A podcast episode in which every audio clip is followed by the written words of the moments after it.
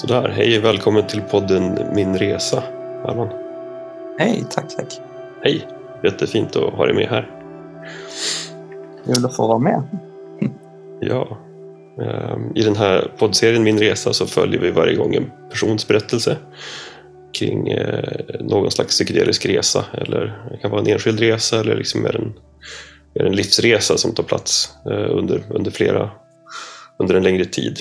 Ehm, men det här avsnittet är lite ovanligt. Ehm, kanske speciellt för mig för att jag eh, vi har aldrig gjort en podd tidigare där jag har varit en del av själva upplevelsen. Det här var vårt första möte, du och jag Armand, det var ju på ett nysnöretreat i Holland i eh, september. Stämmer bra. Och eh, det jag jobbade som assistent.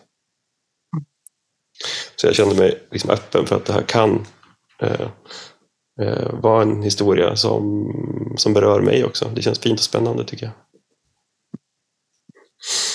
Eh, så var tycker du att vi ska börja berättelsen? Hur långt bak ska vi gå i ditt liv? Oj. Um... Ja, jag kanske kan berätta lite vem jag är um, och vad jag, hur jag hamnade här. Ja. Um, mina föräldrar flyttade ju till Sverige från Iran för många år sedan, det var 89. Eh, och jag kom ju hit med min mamma eh, som var höggravid då med eh, min lillasyster. Ehm, och det var ett en, en möjlighet som de fick där de kunde faktiskt lämna landet under bra omständigheter och ehm, fly till Sverige. Um, det är väl kanske det stora, liksom, om man går långt bak i tiden. Mm. Uh, någonting som, uh, som har varit stort och inverkat mig och min familj väldigt mycket. Um, pappa var kvar i Iran där och um, det tog ett par år innan vi fick uppehållstillstånd eh, i Sverige. Men vi hade otrolig tur med människorna vi hade omkring oss som hjälpte oss eh, och stöttade oss. Allt från privatpersoner till, till eh, liksom myndighetsanställda. Ehm, och den, eh, jag tror att den tiden har påverkat mig idag ganska mycket. Efter efter många, många terapitimmar har jag kommit fram till att det har varit en väldigt viktig del i, i mitt liv och format mig ganska mycket.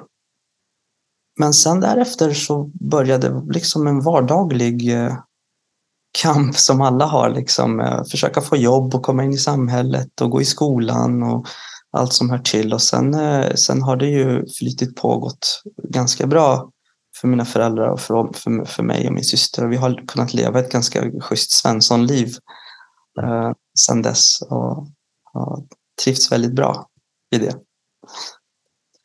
Um, men sen när man blir äldre så börjar man ju, i alla fall jag, börjar man fundera lite över vem man är och vad, hur man är. Och man börjar se lite saker i sig själv och ifrågasätta en del saker. Och därifrån snubblade jag in på mental hälsa. Och blev övertygad av en författare jag följer att ja, det bästa verktyget vi har idag är, är eh, psykoterapi. Det är inte perfekt. Den är långt ifrån perfekt. Men det är det bästa verktyget vi har. Och jag köpte det direkt som analytiska supersekulära person jag, jag var. Så tänkte jag, ja men det här, då ska jag göra det här.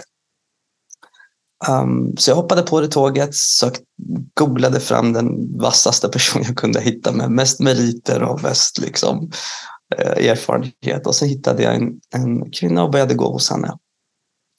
Och snabbt började jag inse att jag hade ingen aning om vad jag höll på med. Det här var inte vad jag förväntade mig. Um, jag trodde att jag skulle komma dit och jag får en process presenterad för mig. Så här ser det ut, så här går det till och du kommer ut på andra sidan frisk och mår jättebra.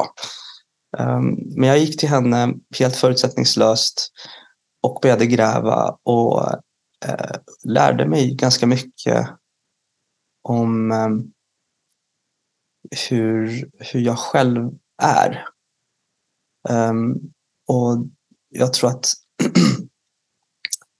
eh, det var nog för mig startskottet på även den psykedeliska resan. Ehm, för i samband med det så började det komma mycket forskning och mycket kunskap om eh, eh psykedelika-assisterad terapi och vilka effekter det har. Och någonstans där, något år in efter att jag hade börjat terapin, så testade jag MDMA för första gången själv. Jag var ganska gammal då, eh, relativt. Liksom. Jag var 30-årsåldern, tidig 30-årsålder.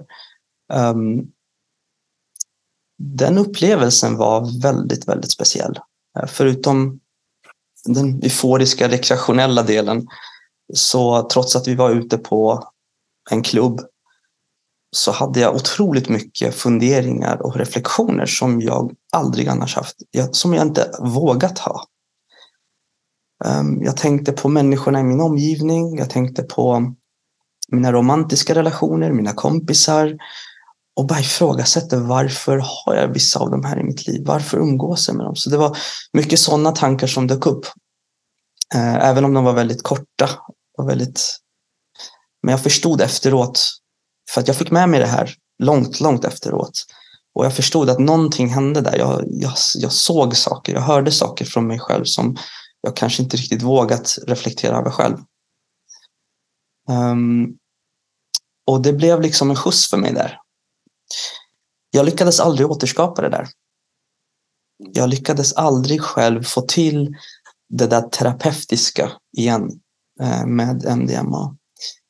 Ehm, därför bestämde jag mig också att första gången jag tar någon annan typ av psykedelika så ska det vara under kontrollerade former för att försöka optimera och maxa verkligen den här terapeutiska effekten av det.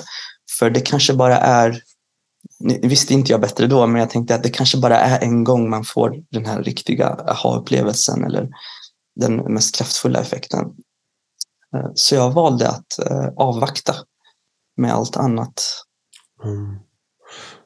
Du får själv avgöra vad du vill berätta och inte. Och sen jag, jag ställer några frågor. Eh, vad, vad var dina problem? Kunde du se dem?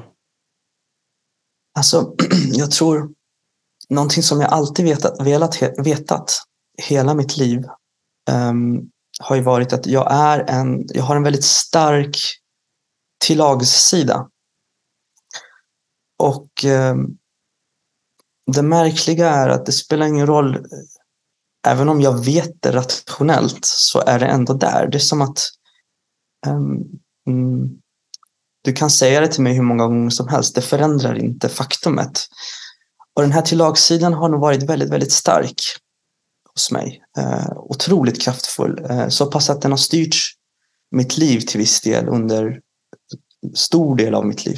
Framförallt tonåren har han varit, eh, väldigt, har varit väldigt präglat av, av den drivkraften. Liksom.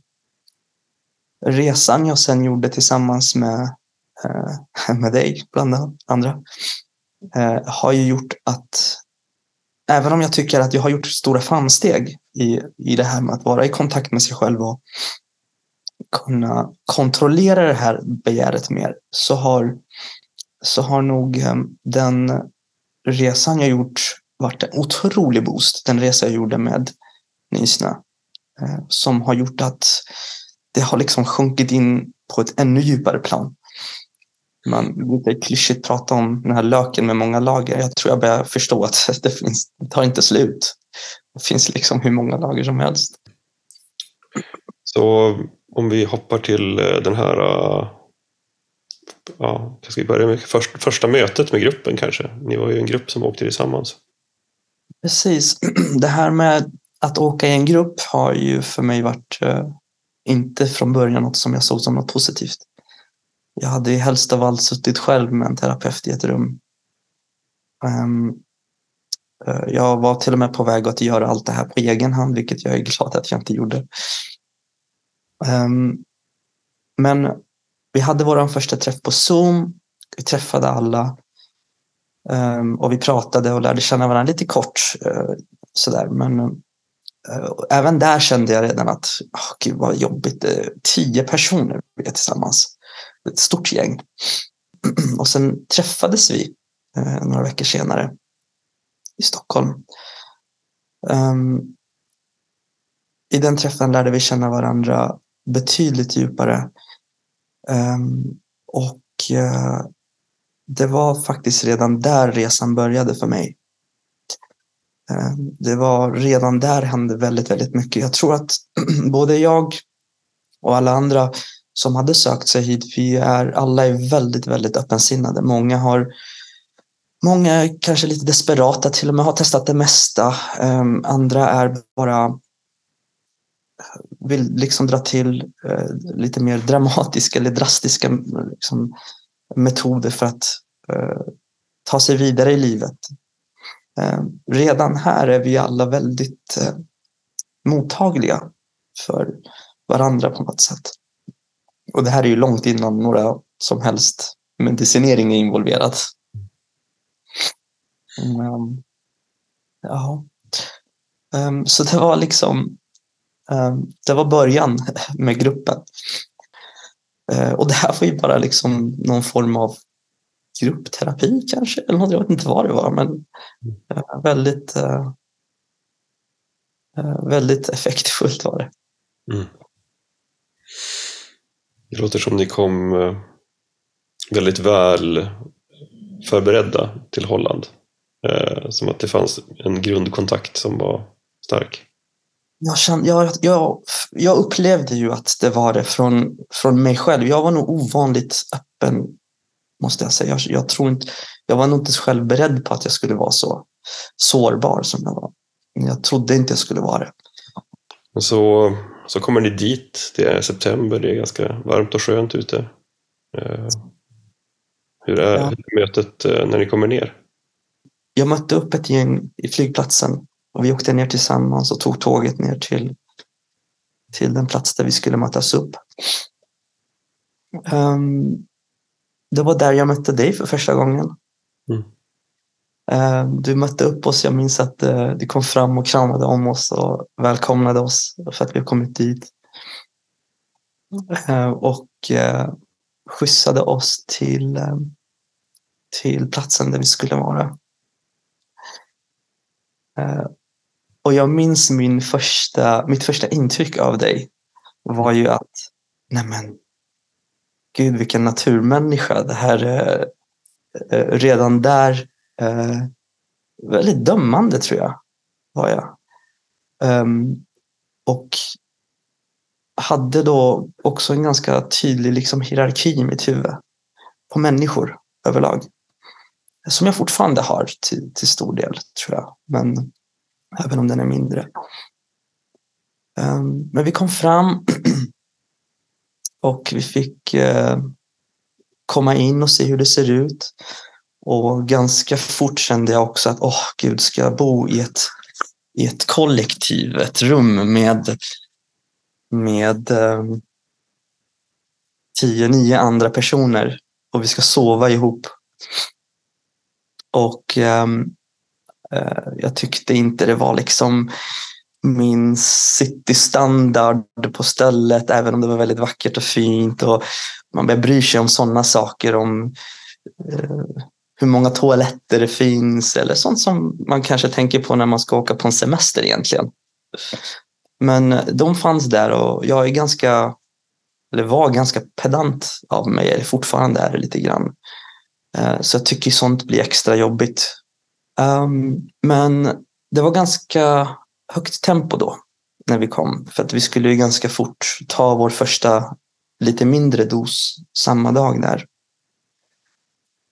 Um, och vi fick gå upp och stadga oss, placera ut liksom våra grejer och bädda sängen. Och sen fick, kom vi ner och hade lite andningsövningar och lite meditation och försökte komma ner i varv.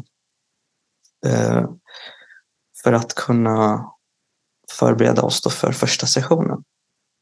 Ehm, det är nervöst. Ehm, vi, ehm, vi bäddar upp i rummet där nere där alla samlas i en ring. Vi har våra täcken och kuddar och lite myskläder och förbereder oss liksom för att ta, uh, ta svampen. Och efter lite förberedelser så så kommer, eh, så kommer svampen ut. Då får vi varsin liten, ehm, en liten eh, skål med svamp i och då får vi en eh, relativt eh, i förhållande till andra dosen en mindre dos ehm, som alla får. Och ehm, jag börjar knapra i mig den som, som vi blev tillsagda. Eh, så jag äter upp den och sen lutar jag mig bakåt och tar fram mitt blädderblock och ska rita lite i den i väntan på att någonting ska hända. Um, och det som händer där då när jag sitter och ritar att ur mitt block så ramlar ett kuvert ut. Och i det kuvertet, kuvertet är då från min, eh, min sambo och mamman till min son. Och hon har då gjort ett fint kuverten och hon målar lite svampar på och i det ligger ett kort på henne och min son som kramar om varandra. Och det där, bara det, det där var ju helt eh, sinnessjukt. Att, jag, att, att tajmingen, att jag, den ramlar ut där just då var ju otroligt fint. Det var så vackert. Jag blev så rörd av det. Så jag kom in verkligen in i ruset med en ren lyckokänsla redan innan den har kickat in. Liksom, så att säga. Och jag kommer till och med ihåg vilken låt det var där jag började känna av att någonting händer. Det var otroligt fin, stämningsfull musik som jag känner verkligen var väl anpassad för den upplevelsen. Jag, när den här låten kommer så plötsligt känns det som jag kastas runt lite grann. Inte på något obehagligt sätt utan jag, jag kastas runt i musiken på något sätt. En otroligt ovanlig och vacker känsla. Och eh, långsamt, långsamt så växer den här känslan. Och jag börjar även eh, bakom ögonbindeln även få lite hallucinationer. Jag ser färger, jag ser mönster. Inte jättemycket, men en, en del. Och de rör sig och, och, och ändrar och skiftar färg i takt med musiken. Så musiken har liksom tagit grepp om mig och jag, jag, liksom, jag känner att jag lever lite genom musiken och upplevelsen går väldigt mycket i takt med musiken. Um, och den här upplevelsen är helt fantastisk. Sen händer någonting kort därpå när, när eh, effekten börjar avta lite grann. Väldigt tidigt när jag fortfarande är väldigt, jag känner mig fortfarande väldigt berusad. Men effekten börjar, uh, börjar avta. Och det som händer är att jag hör mig själv i mitt huvud. Jag börjar höra min egen röst på ett sätt som jag aldrig gjort förut. Det börjar ganska litet och subtilt i början för att jag är fortfarande väldigt mycket i musiken och liksom själva upplevelsen. Men den här växer mer och mer vad jag misstänker allt eftersom eh, effekten av svampen avtar. Och långsamt så förvandlas det här till någon form av kamp i mitt huvud mellan, mellan den här rösten som drar ner mig till verkligheten och musiken och färgerna som håller mig kvar i den fina upplevelsen. Och långsamt, långsamt så, går, så börjar liksom rösten att vinna. Och det är ingen elak röst eller någonting hemskt eller någonting eh, otrevligt, utan det är bara min vanliga, liksom det vanliga tugget, narrativet som jag har i mitt huvud som alltid finns där. Det är bara det att jag har aldrig lagt märke till den så tydligt som jag hade där. För den har varit borta och nu börjar den komma tillbaka. Och det var en otroligt jobbig upplevelse.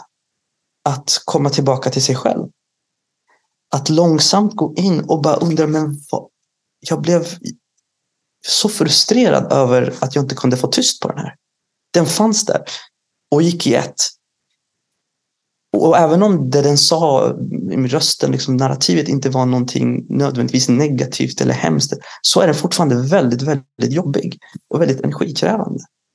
När sessionen var över så satt jag där och bara hörde det här tugget i mitt huvud, konstanta tjattrandet som jag inte kunde stoppa.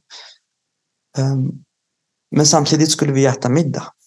Ehm, och då gjorde jag ju som jag kanske alltid gör. gör det jag tror förväntas av mig och av andra. Ehm, än, att, än att göra det jag kände för. Vad jag hade egentligen känt för att göra där är ju bara gå åt sidan och gå och lägga mig eller bara gå upp, fundera, reflektera. Vad var det där för någonting? Vad, var det som, vad är det som händer? Istället så satte jag mig vid middagsbordet med alla andra och socialiserade och ansträngde mig så in i helvete för att vara social och prata. Fast jag egentligen inte ville det. Men eh, det, det hände någonting väldigt stort redan första sessionen och det var just att jag, jag lade märke till någonting som alltid har funnits där med mig.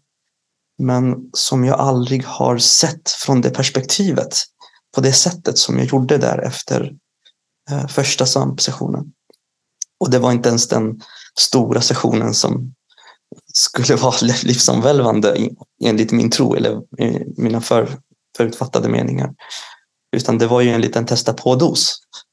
Eh, men redan där så väcktes någonting i mig.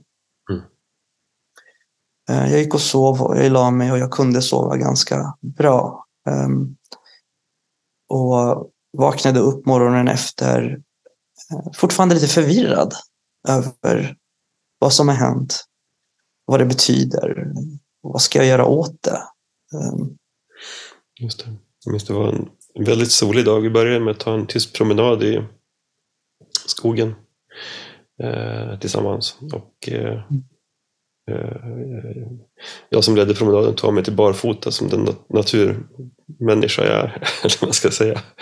Och fick med mig alla eh, på det utan att det fanns någon sorts press. Men eh, jag minns det som att du också tog av dig och gick barfota. Att det kändes som att det kanske var en, en grej, även det. Att, Ja, det var det. Precis, jag tog ju också av mig. Jag var bland de sista som gjorde det och gjorde nog det mycket. Jag vet inte. Det var mycket tankar där också. Liksom, ska, jag, ska jag ta av mig? Varför ska jag vill, vill jag ta av mig det? Eller för att, ska jag göra det för att alla andra gör det?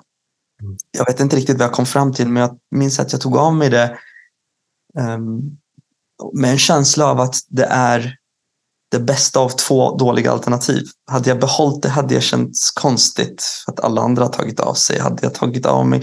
Sådana här saker kunde bli en grej för mig. Ehm, det kunde bli en, en osäkerhet eh, och hindra mig från att känna vad, vad var det jag egentligen själv ville göra. Eh, och det är det som har varit en, ja, ett hinder i mitt liv väldigt mycket. Mm. Eh, jag minns ett samtal jag hade med dig under den dagen. Du, jag minns att jag satt där i, i eh, ja, vardagsrummet, om man får kalla det, eh, och bara vilade. Bara stirrade in genom fönstret och såg att du började sopa. Och den här tillagssidan i mig kickade in direkt att jag kan ju inte sitta här medan han står och sopar. Så jag kom ju fram och frågar dig, kan jag hjälpa till med något?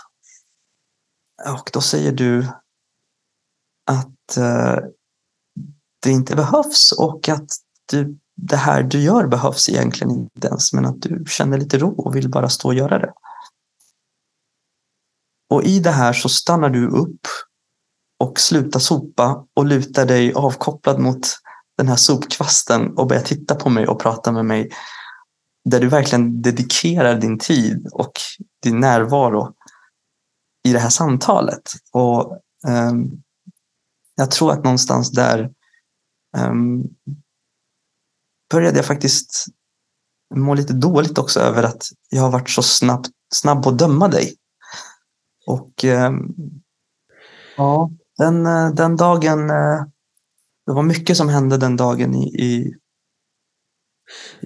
jag spenderade en stor del av den faktiskt bara sittandes i ett hörn och bara glo ut genom fönstret och lyssna på lyssna på en, en av eh, gruppmedlemmarna spela på piano.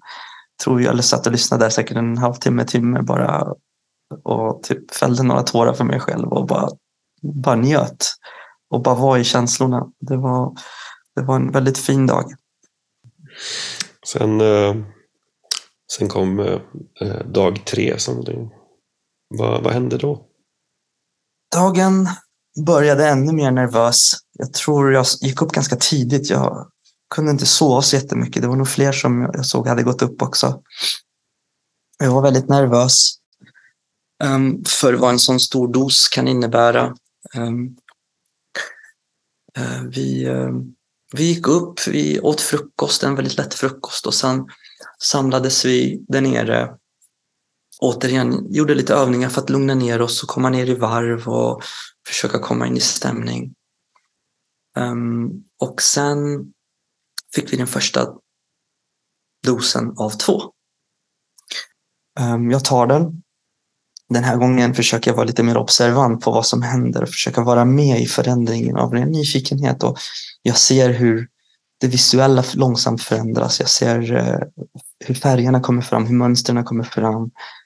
Ehm, och, och det är ju mycket kraftfullare den här gången, det känner jag. Det är betydligt starkare. Och jag mår bara bra eh, av den här första dosen. Jag mår så otroligt bra. Det, det känns nästan som att det är för rekreationellt. Alltså som att jag vet inte riktigt um, vad jag ska göra liksom för, för det terapeutiska, men det tänker inte jag på där, utan jag bara njuter och tycker att allting är otroligt härligt. Um, sen händer någonting. Jag är inte säker på när det händer, Eh, men jag börjar tas av en känsla av obehag. Jag är inte säker på var den här känslan kommer ifrån. Men jag minns återigen att det var en låt som verkligen lyfte, ur mig, lyfte mig in i det här. Ehm, och det var en väldigt sorgsen, vackert sorgsen låt på persiska, eh, mitt hemspråk, som jag hörde. Och jag var redan inne i den här känslan, men när den där kom med, med, med den rösten och med den melodin eh, så drogs jag djupt in i det jag minns hur jag ser, jag ser mig själv, hur jag vrider och vänder på mig, alltså fysiskt bara där, för att liksom, jag vet inte vad jag ska göra. Jag, jag har en frustration i kroppen, jag kan inte riktigt kontrollera det här. Um, då kommer en av terapeuterna och sätter sig bredvid mig, så jag antar att det här har synt. Hon har märkt att jag inte är på en bra plats. Det här är inte den typen av känslan som jag kanske har varit rädd för när jag tänkt på snia trippar som man får höra om. Det är, inte den här, det är inte så här jag föreställer mig det. Jag trodde det var mer skräck och rädsla. Här är bara en otrolig obehaglig känsla som jag hade som jag inte kunde liksom veta vad det var. Um, när terapeuten kommer och sätter sig bredvid mig så eh, klappar hon på mig och liksom på något sätt håller om mig och, och, och jag, jag tillåter mig själv på något sätt bli ompysslad. Jag vet inte hur ofta i livet, hur många gånger i livet jag verkligen har låtit mig göra det. Eh, jag, men det, lät, det kändes som att jag, det var okej okay där och då. Och det triggade ju mig såklart ännu mer, att jag blev ännu mer sorgsen, ännu mer ledsen. Um, och det här växte. Uh, till slut hade jag gråten i halsen jag visste inte vad det var, men jag var så otroligt ledsen um, och kände att jag behövde, jag behövde gråta av mig. Men jag höll emot såklart, trots det tillståndet, så, för jag ville ju inte låta och störa andra såklart. Men jag ligger där Ehm, och då börjar hon säga släpp ut det. Hon, hon, kände ju av att det är någonting som jag håller tillbaka och då börjar hon säga nej men släpp ut det nu. Um, och det gör mig ännu mer rörd och ännu, det blir ännu svårare att hålla emot. Och vid ett litet ögonblick där, i en halv sekund, så var det som att ljud läckte ur min mun, bara en halv sekund. Och den där, det där lilla ljudet som kom ut hörde jag. Så jag hörde mig själv på något sätt. Det var som att jag hörde mig själv uppifrån. Och då började jag tycka synd om mig själv. Um, och då kunde jag inte hålla emot längre. Utan jag brast ganska hårt um, och grät och lät. Jag har nog aldrig låtit så Ehm, så befriande i hela mitt liv. Eh, det var, jag fick, det var som att det fanns ingenting som höll mig tillbaka. Jag kunde göra och låta och gråta hur jag ville, precis som jag ville. Ehm, det varade dock inte i många minuter, den känslan. Eh, men efteråt eh, var jag så otroligt lättad. Jag hade en sån lättnad i min kropp. Varenda muskel i min kropp var avslappnad. Jag hade, det känns som en tyngd hade släppt från mitt bröst som jag inte ens visste var där. Precis som rösten. Den har bara varit där, men nu var den inte där. Och då, då märker jag den.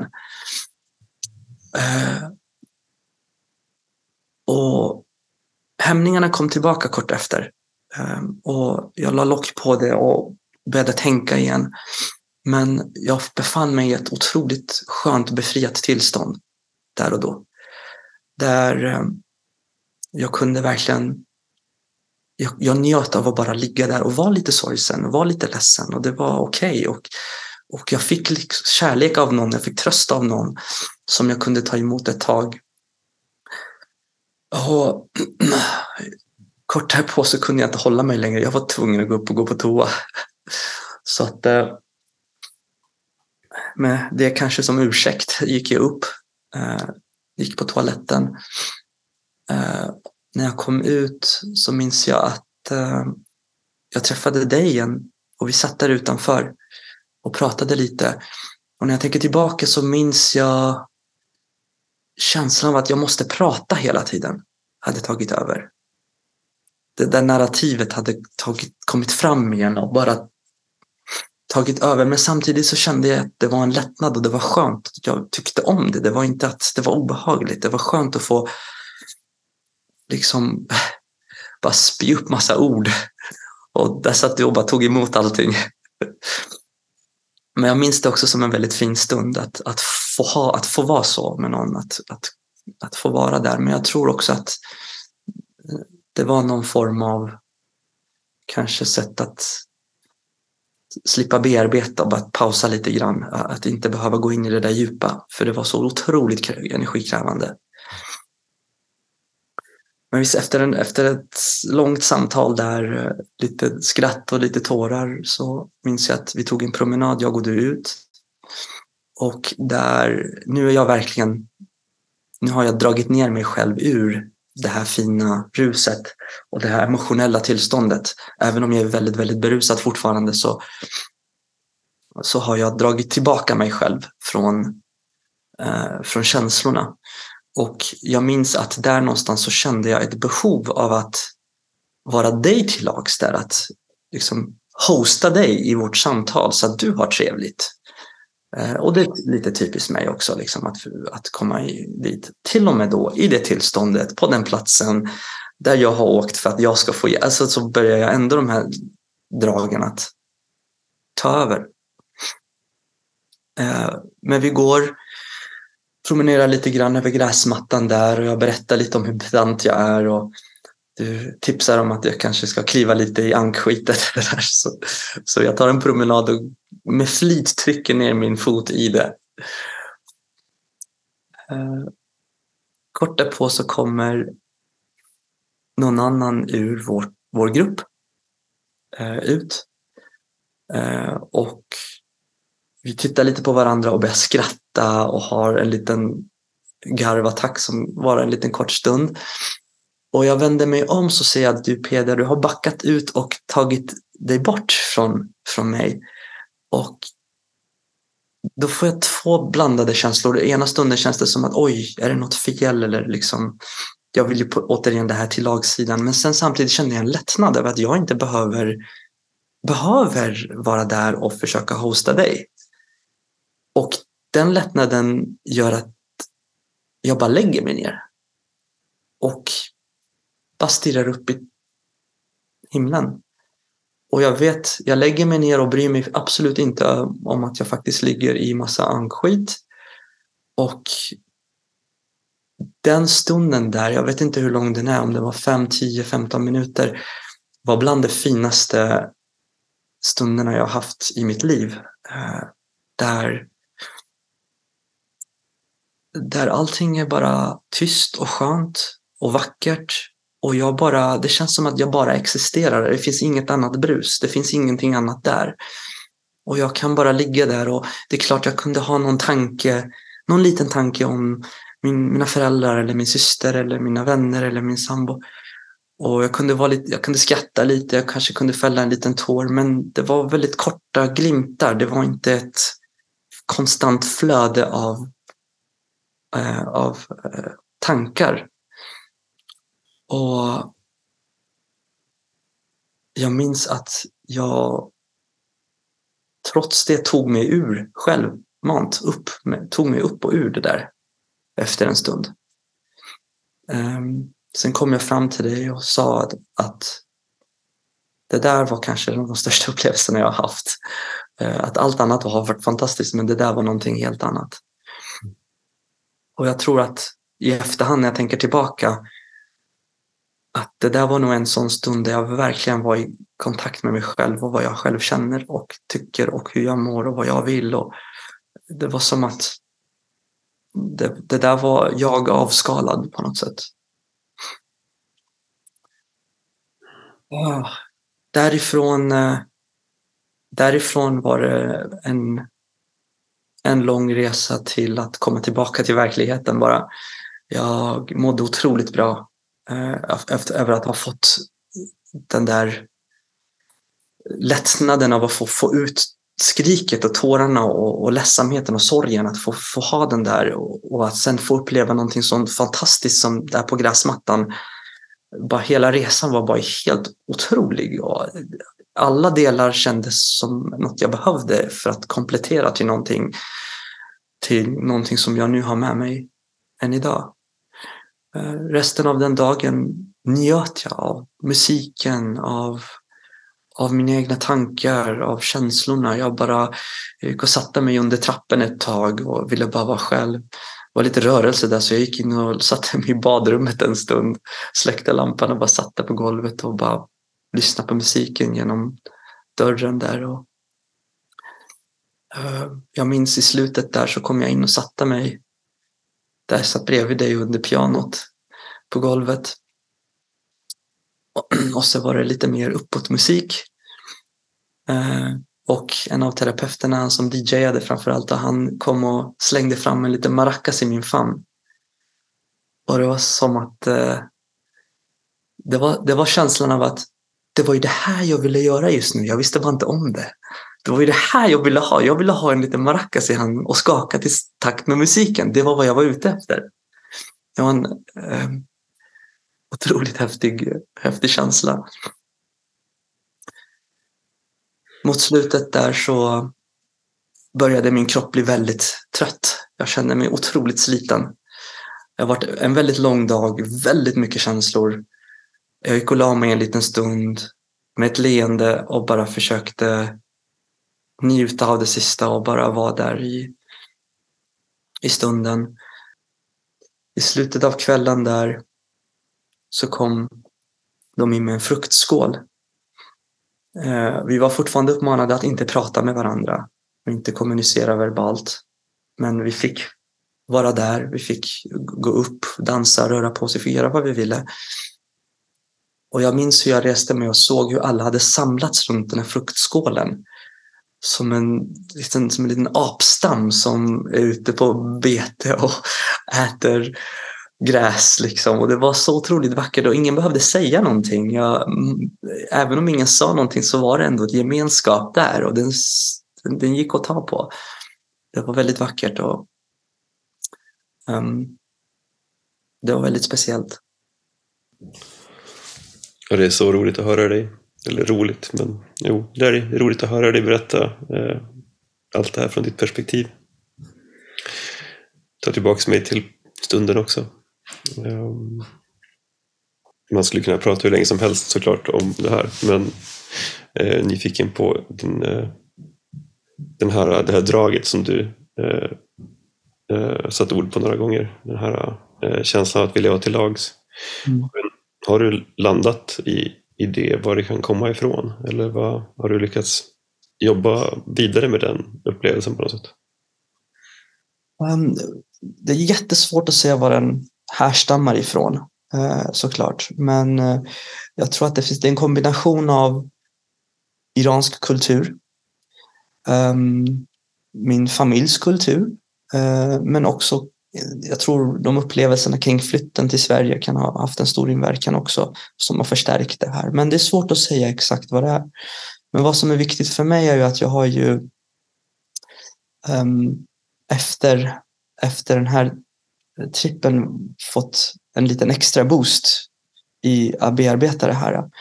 Eh, och det som har hänt handlar egentligen inte så jättemycket om att sluta vara till lags eller, eller var på ett, ett sätt eller var på ett annat sätt. Det, det tänk som jag kanske hade när jag gick på terapi.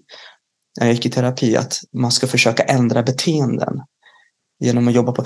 Här var någonting, det här var någonting annat. Det här handlade om att jag behövde bara komma i kontakt med mina känslor och vad jag faktiskt själv vill. Förbi alla de här filter, förbi alla de här dragen som brusar runt och gör att jag inte kan känna vad jag själv vill. Det var exakt vad som hände där. Jag kände att jag ville någonting och kunde identifiera det och kunde agera på det utan att låta andra drag ta över Den stora lärdomen, den, sto, den stora vinningen, det jag har fått med mig härifrån som jag ska jobba på och jag ska ta med mig och försöka förstärka resten av mitt liv nu, det är att kunna vara i kontakt med mig själv och känna vad det är jag vill. Eh, för då tror jag att alla de andra detaljer, allt det andra vi pratat om kring mig är bara detaljer. Det där kommer lösa sig själv om jag bara kan behålla den där känslan. Mm. Tack, för, tack för berättelsen. Ehm, den här gruppen som du åkte med, har ni någon kontakt idag? Vi har väldigt mycket kontakt, nästan, inte dagligen då, men ett par gånger i veckan i alla fall. Ehm, vi har eh, träffats flera gånger Eh, sen vi kom tillbaka och gruppen har varit ett, ett otroligt stöd. Och inte bara stöd för, för mig, men också, det har också varit stöd i mitt lärande eh, av, av andra människor. Eh, som jag berättade tidigare så har många har vuxit. Eh, många, min bild av många har förändrats och det har kommit i samband med förståelse och genom att höra deras historier avskalat, intimt, ehm, sårbart och då ser man, jag har i alla fall börjat se människor kanske lite mer nyanserat än vad jag har gjort tidigare. Um, och alla de här sakerna jag säger kan, kan, hade jag tidigare tyckt låtit klyschigt om jag hade hört någon säga. Och jag hade tänkt att ja, ja, så är det väl. Det är väl sant. Men när man upplever, när man känner det blir det, det blir någonting annat. Det blir, det blir mer på riktigt än vad jag har trott att jag har vetat om hur jag ser på andra och hur jag, hur jag dömer mig själv Ja, tack som sagt för jättefin historia och tack för, eh, tack för eh, att vi träffades i Holland och, och samtalet i stort. Nu, ja, tacksam i allmänhet. Jag känner mig mycket mer i kontakt än när jag påbörjade samtalet, vilket är alltid en bra sak. Ja, jag är glad att du var med Peder. Ja. Historien fortsätter. Det gör det. Tack så mycket för att du var med. Tack. Podden produceras av företaget Nysnö. Läs mer om oss och vår verksamhet på www.nysnö.se